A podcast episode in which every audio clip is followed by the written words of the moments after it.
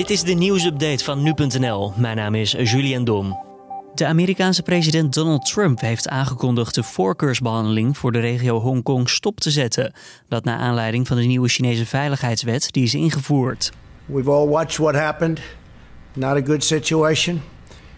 Their freedom's been taken away, their rights have been taken away, and with it goes Hong Kong, in my opinion, because it will no longer be able to compete with free markets. A lot of people will be leaving Hong Kong, I suspect.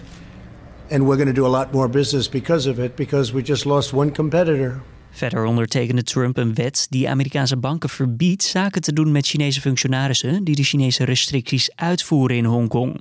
Ook andere landen, zoals Australië, Nieuw-Zeeland en Canada, ondernamen al stappen of hebben aangekondigd deze te nemen tegen Hongkong vanwege de veiligheidswet.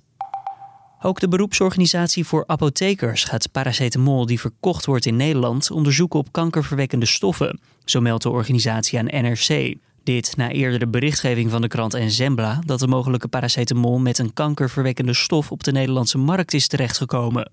Vorige week meldde Inspectie Gezondheidszorg en Jeugd en het College ter Beoordeling Geneesmiddelen al te zullen testen of de signalen over de vervuilde paracetamol kloppen. Het misdaadbeeld in Nederland stond de afgelopen maanden compleet op zijn kop. Daarover schrijft het AD. Zo was er een flinke stijging te zien van het aantal aangiftes van WhatsApp-fraude en burenruzies, maar daalde de hoeveelheid zakkenrollerij enorm, aldus plaatsvervangend korpschef Lisbeth Huizer van de Nationale Politie.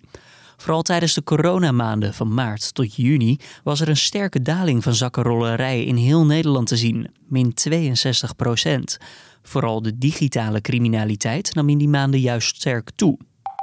Bij een brand in Haarlem is een persoon om het leven gekomen. Uit onderzoek van de politie blijkt dat deze persoon door een misdrijf is omgekomen. Twee verdachten zijn vervolgens aangehouden. De politie heeft geen verdere informatie gedeeld over de zaak en komt later vandaag met een update. En dit was dan weer de nieuwsupdate.